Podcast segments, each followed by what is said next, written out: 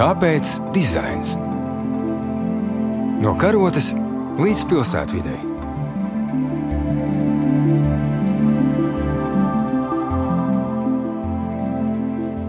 Klasikas studijā Ilza Martinsona, Latvijas arhitektūras muzeja vadītāja, un mani sarunu biedrs šodien ir arhitekts Ervīns Krauklis un arhitekte Marija Dambe.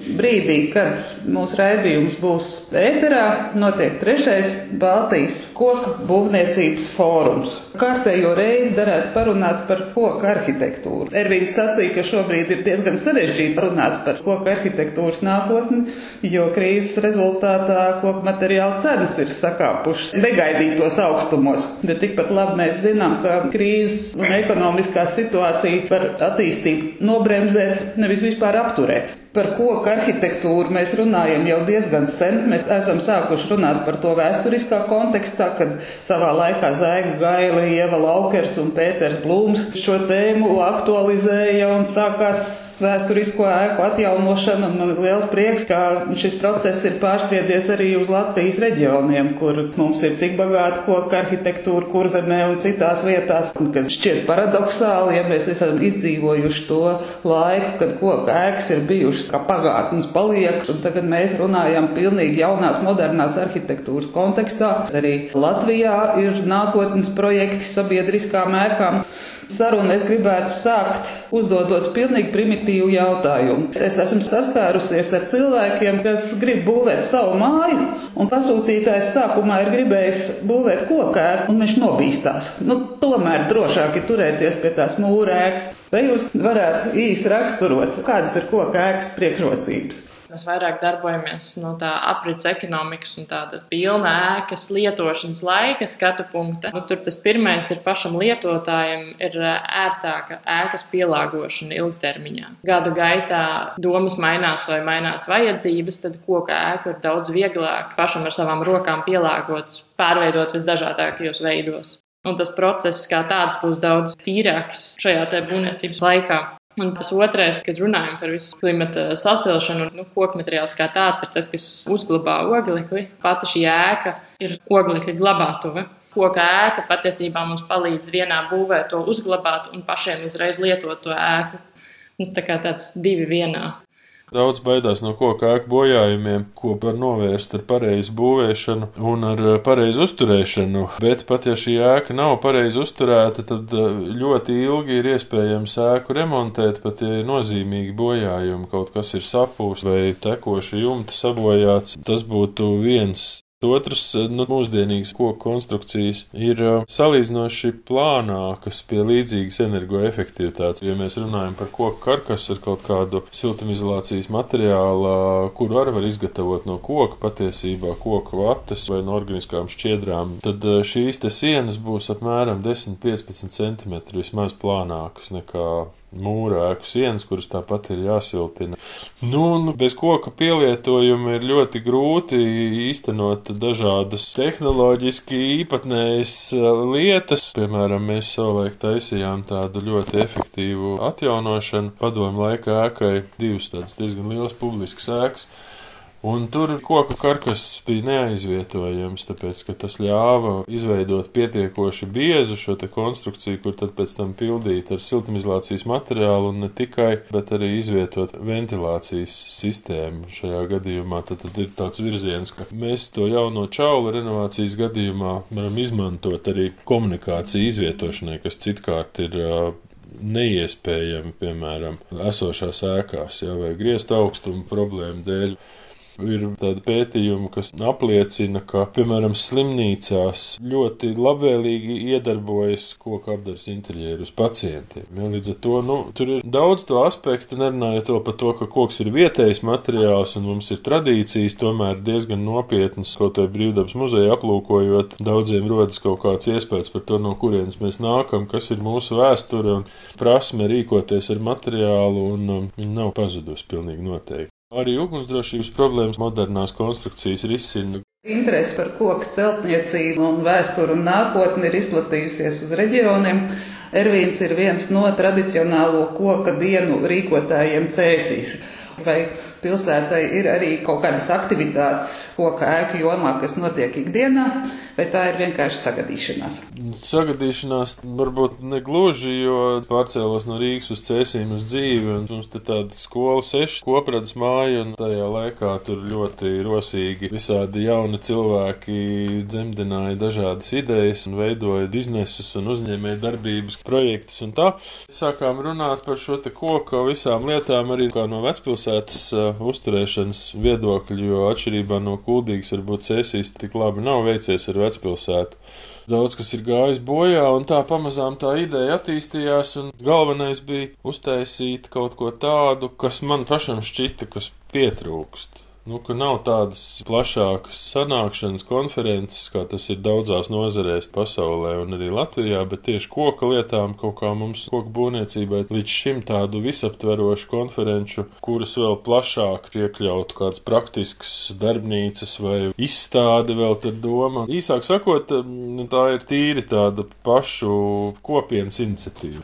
Nu, un tad tā viņa arī trīs gadus veiksmīgi notika, kamēr sākās pandēmija. Mums bija ļoti liela plāni 4. gadā, un tos, diemžēl, nebija iespējams īstenot dažādu iemeslu dēļ. Mums ir šis tas plānā šovasar, redzēsim, kā tas izdosies, bet ne tāds liela mēroga pagaidām pasākums, jo patiesību sakot, nu, nenoliedzam arī karš to visu ietekmē. Un Cēsis ir ļoti labs ar to, ka tu daudz ko var darīt ir gan palīdzība, gan ir ļoti labi piemērota infrastruktūra dažādām šādām lietām. Bet, nu, pilsēta pagaidām nav tāda pavisam kokaina palikusi īsti. Tas tad, nu, jāskatās uz nākotni, kā tas viss virzīsies, jo daudzām lietām apakšā ir arī valdības lēmumi, kādi finansējumi, instrumenti un tam līdzīgi.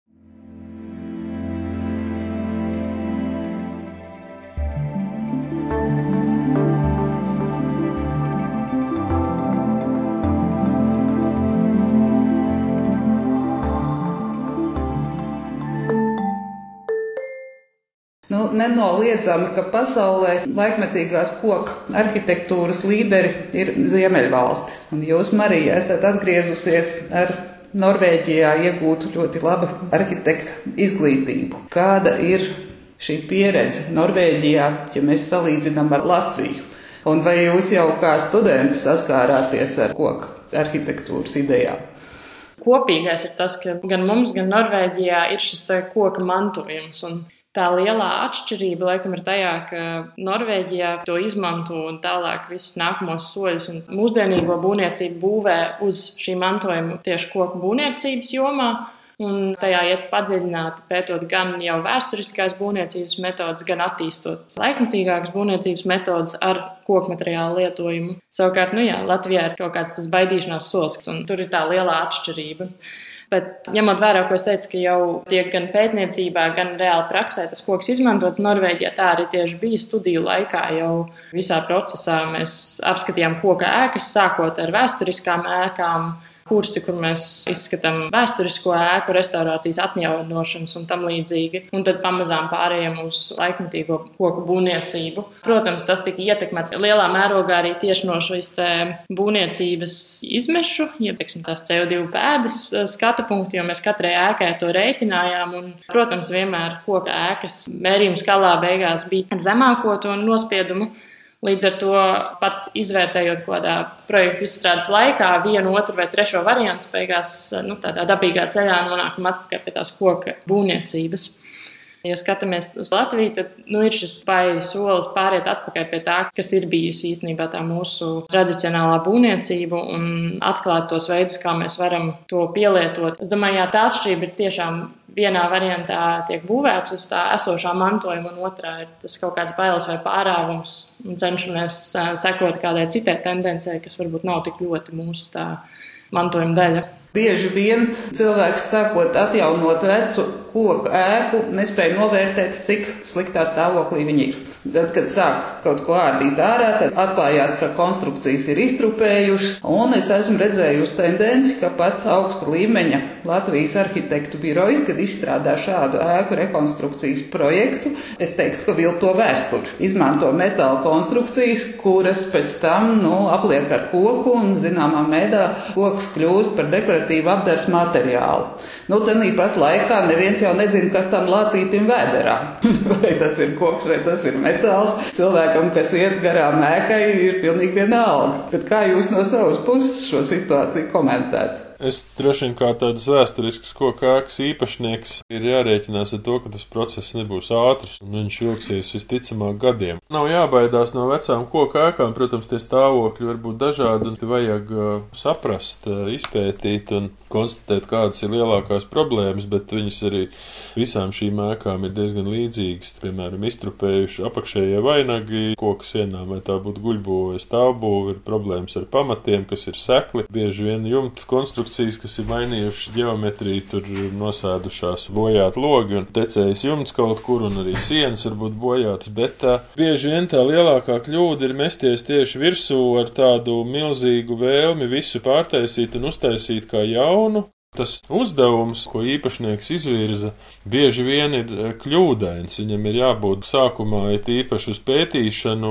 orientētam, un uh, tikai tad pamazām tajā mājā iejūtoties, mēs nonākam līdz īstajam risinājumam gan no tādas varbūt funkciju izmaiņas viedokļi. Jā, līdz ar to esmu novērojis ļoti lielas izmaiņas, tiek veiktas un daudz kas tiek nojaukts un demontēts un izlausts, un beigās tā nauda beidzās, un cilvēks paliek tādā tā kā piekārtā stāvoklī, ja tas objekts vienkārši apstājas uz vairākiem gadiem. Bet es arī nevaru īsti piekrist tam, ka vecs koka ēkas ir finansiāli, teiksim, neizdevīgs. Tas ir atkal jautājums par to, ko mēs ar viņām gribam izdarīt, kas ir tas mērķis, kas ir labi tādās vecās koka ēkās. Ļoti bieži diezgan ātri var panākt to, ka jau daļa no ēkas ir dzīvojama un var šeit dzīvot, pat ja tas viss nav kārtībā. Un tad tālāk tas process ir lēns. Par metāla konstrukcijām tur drīzāk ir tāda pavisam vienkārša elementāra lieta.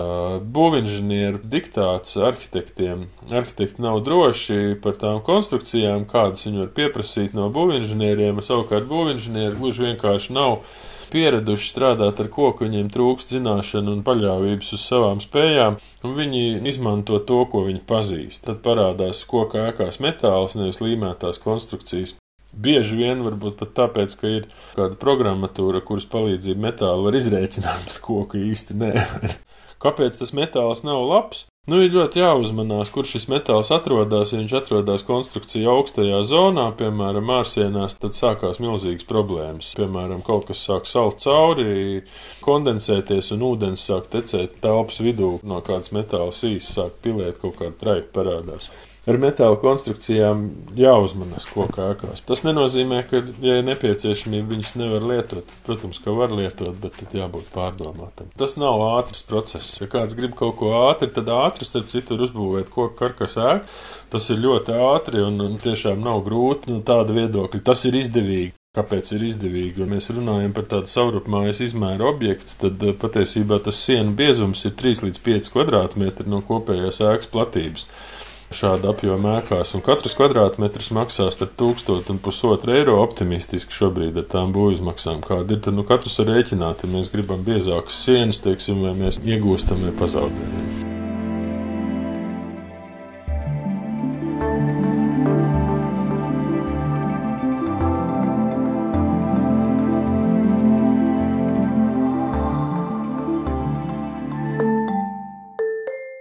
Nu, es pārzinu, kā koku sāk pārizmantot dizainā. Tas notika 20. gadsimta 90. gados, un tas bija vesels furors, kad holandiešu dizaineri nāca klajā ar jaunām ekskluzīvām mēbelēm, kas bija taisītas no veciem dēļiem. Pīts Heins Ēks, laikam, bija tas priekšgājējs, un 90. gados, acīm redzot, vispār mēs nebijām runājuši un domājuši par tādām lietām.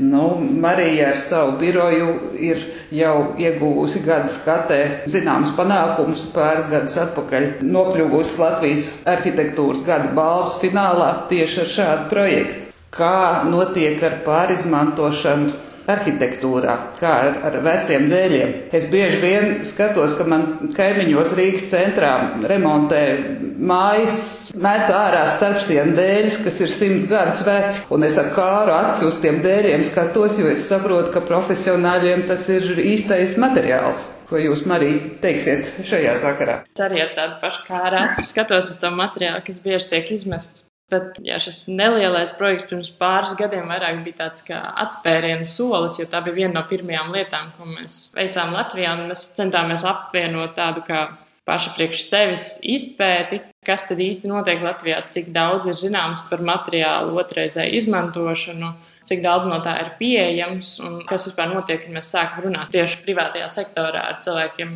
kuri paši kaut ko būvē, kaut ko remontē, kaut ko nojauc.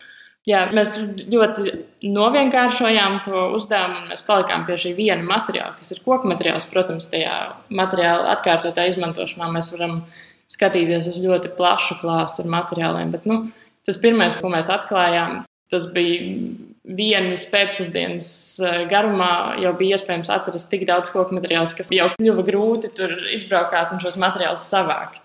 Kas ir problēma? Nu, mums ir tā pelēkā zona. Tad, kad notiek remonts vai ēkas nojaukšana, faktiski viss materiāls, kas iet ārā no ēkas, ir atkritumi. Un tad tas beidz kļūt par atkritumiem, tad, kad tas ir pārstrādāts atbilstoši. Nu, jā, mums iztrūks tajā posmā tā iespēja paņemt to materiālu laukā no vienas ēkas, ielikt citā. Tā nav problēma. Bet, protams, arī otrreizējiem materiālam parādās problēmas, ka mēs nevaram novērtēt tā drošību. Līdz ar to nu, izmantot vēlreiz nesošās konstrukcijās kaut kur citur, to nebūs iespējams. Faktiski viss cits, kas nav nesošās konstrukcijas, mēs atvērtām rokām to varētu izmantot. Ja mēs paskatāmies no citu valstu pieredzes, tagad ir modē dedzinātie koku dēļi, bet mēs ņemam un dedzinām pilnīgi jaunus koku dēļus. Ko Dānijā viņi dara, viņi ņem šos jau vienreiz lietotos koku dēļus un izmanto šos dēļus dedzināšanai. Tās iespējas ļoti plašas, un nevienmēr ir varbūt tam rezultātam jāizskatās nu, tādam mazdārziņu līmenī. Tas viss var izskatīties arī pilnīgi atbilstoši dažādām modernās arhitektūras tendencēm. Bet tam materiālam vienkārši jāspēj rast pareizais pielietojums. Koku materiāls ir viens no tiem materiāliem, kuram ir tik plašs apstrādes, izmantošanas iespēju klāsts, Un, Marija, jūs kopā ar līdzautoriem esat izstrādājusi vadlīnijas apritīgai būvniecībai, kas ir tāds garš un nopietns dokuments. Ir cerības arī šo te plānu, šīs vadlīnijas ieviest dzīvē. Protams, mēs šajā procesā izstrādājot vadlīnijas arī uzdūrāmies uz dažādiem šķēršļiem. Tie ir tikuši identificēti, bet ne visu ir iespējams uzreiz atrisināt. Vadlīniju izstrādes tas notika šī urģa projekta ietveros, ko vadīja Rīgas enerģētikas aģentūra darba grupa bija pietiekami plaša, lai cerams, ka pamazām arī varēsim kaut ko izmainīt. Nav arī tā, ka Latvijā nebūtu jau tas darīts. Mēs te runājām par konciem kvartālu. Viņi jau sāka pirms 20 gadiem ar grīdām, kuras tika izgatavotas no atgūtiem materiāliem, vecām veckoku māju, nojaucam koku māju konstrukcijām, principā. Nu, un tā arī pamazām tas viss turpinājās kad viņi pārgāja nevis pie māju materiālu izmantošanas, bet pašu māju izmantošanas. Tas tāds ļoti labs piemērs un veiksmes stāsts, kā mēdz teikt, izcils. Sarunas noslēgumā es gribēju jūs lūgt pavisam īsi iezīmēt savu personīgo nākotnes vīziju, kas notiks ar koku, koku ēkām, kā jums izskatās. Nu, es atkārtošos. Es domāju, ka Par to nemēdz parasti runāt, bet uh, man liekas, ka ļoti daudz ko noteiks karš un tās izmaiņas, ko šis karš nesīs, kuras mēs īsti līdz galam nevaram šobrīd saprast. Noteikti daudz vairāk pamatojumu būs tīri saimnieciska pamatojuma apritīgai ekonomikai un apritīgai koku izmantošanai būvēs. Nu, jācer, ka viss reiz beigsies, To, ko Ervīns teica par karu, ar to iezīmēs varbūt tā iespēja koku materiālam, kas ir tas vietējais materiāls. Būvniecība ir viena no tiem piesārņojošākajiem sektoriem. Tas ir sektors, kurā mums ir jāsāk darboties un nepietiek tikai ar ēku siltināšanu. Mums ir jāpievērš arī uzmanība tam, ar kādiem materiāliem mēs to visu darām. Koku materiāls ir galvenā atbilde, lai ļoti ātri varētu ķerties pie darbības jau nu, rītdien.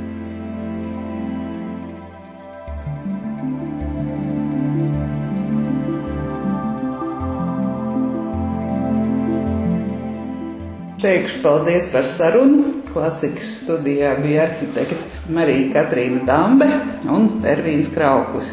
Raidījums ir sagatavots ar valsts kultūra kapitāla fonda atbalstu. Kāpēc dizains? No karotes līdz pilsētvidē. Pirmdien, 9.5. ar atkārtojumu sestdien, 18.18. 18.